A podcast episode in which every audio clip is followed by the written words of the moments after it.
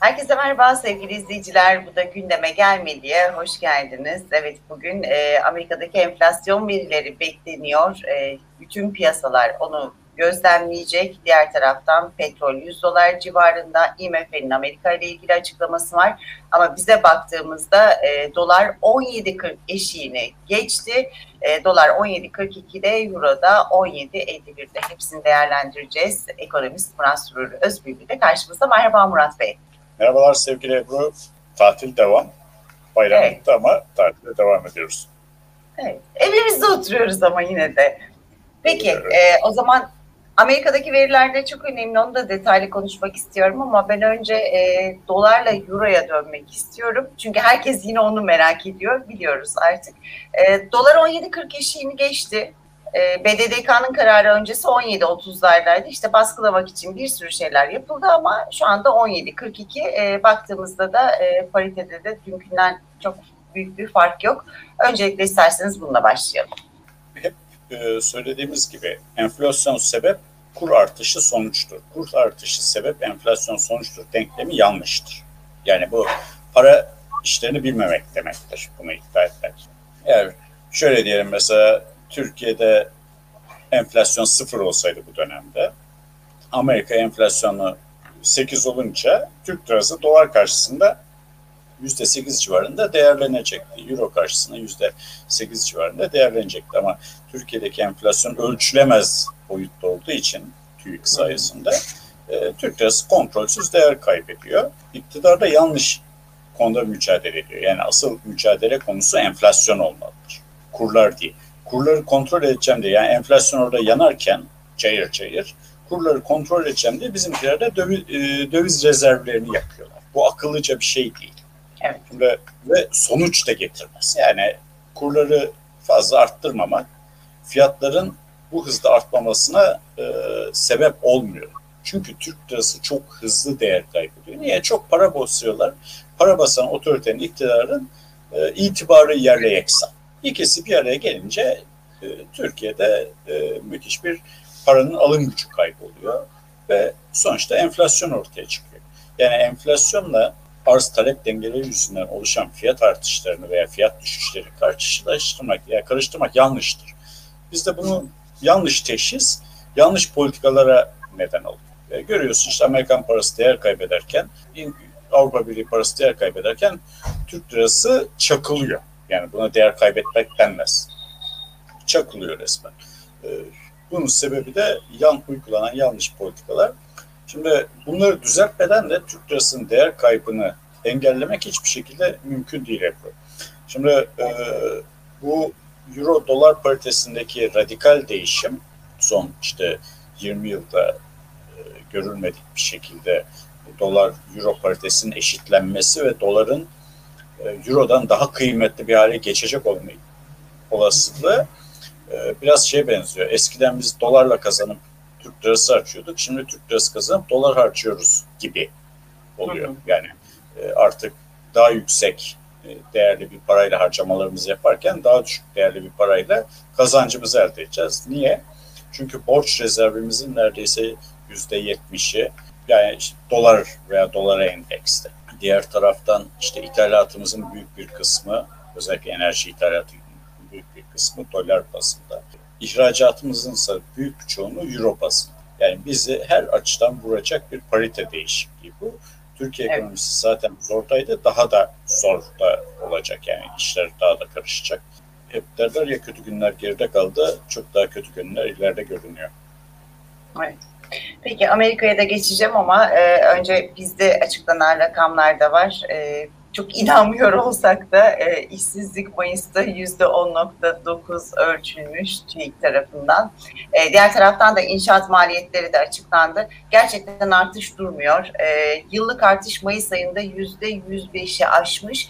Tabii bu malzeme maliyeti e, en çok e, yükselen kalemde malzeme maliyeti işçilik o kadar yükselmemiş tabii.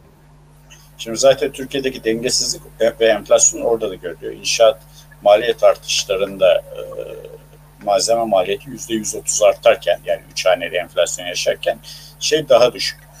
İşçilik maliyetleri daha düşük oranda artmış. Yani patronlar işçileri daha rahat baskılamışlar. ve neticede bu halde bile ortalama gene 3 hanede %105'e e, tutturulabilmiş. Bu tabii Türkiye'deki gerçek enflasyonu ortaya koyan ve niye kira fiyatları artıyor, niye konut fiyatları artıyor bunu çok net bir şekilde ortaya koyan bir şey, e, istatistik. E, TÜİK'in zaten e, tüfe dışındaki üfe vesaire de e, ölçümleri falan da üç haneyi gösteriyor. İşte maaşlara zam gelmesin diye tüfeği baskılıyorlar. Bütün mesele orada. Ama bu arada e, Tayyip Bey'i esefle kınıyorum. Kendi e, maaşlara zam yaparken tüfeği dikkate alıyor. Ama mesela KYK borçlarına zam yaparken üfeyi dikkate alıyor. Ama maaşının yani, zammını geri verdi yani. Hayır.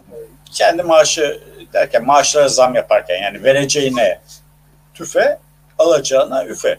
Yani bu iş şeye benziyor. Hani bizim devlet e, alacağına şahin, vereceğine kargadır derler. Piyasada öyle. Yani e, enflasyon düşük ölçmek tekrar diyorum bir suçtur.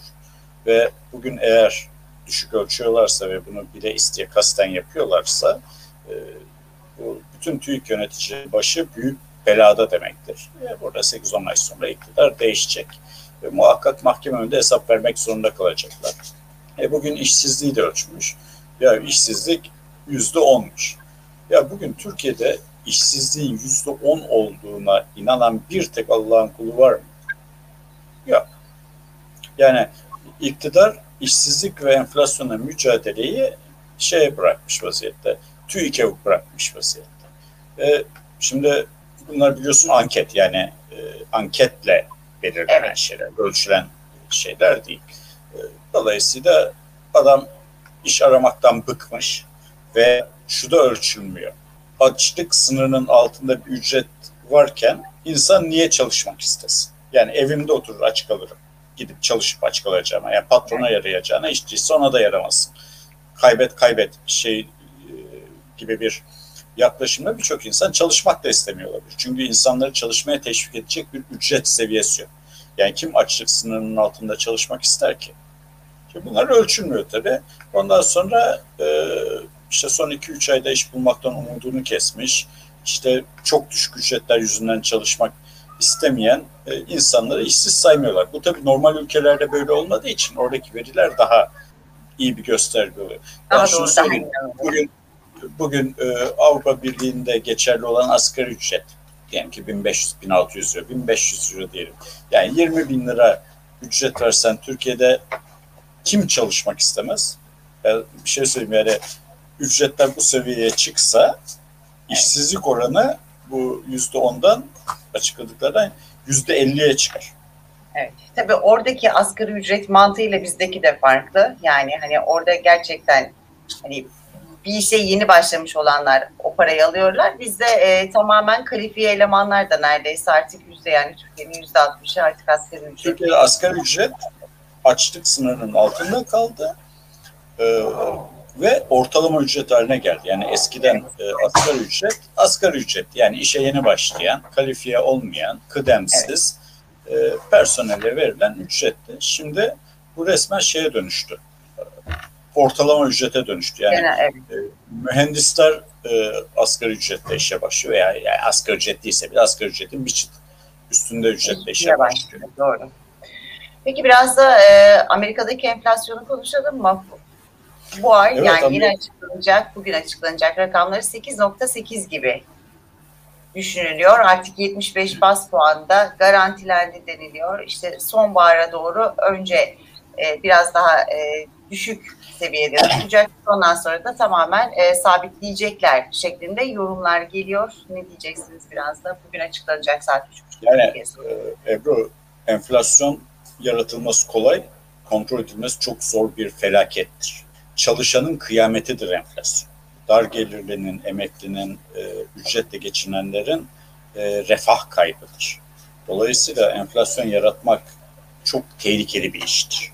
Sonra kontrol altına almak çok ama çok zordur. Bunu birkaç defa örnek olarak orman yangınlarını vererek anlatmıştım biliyorsun. Evet.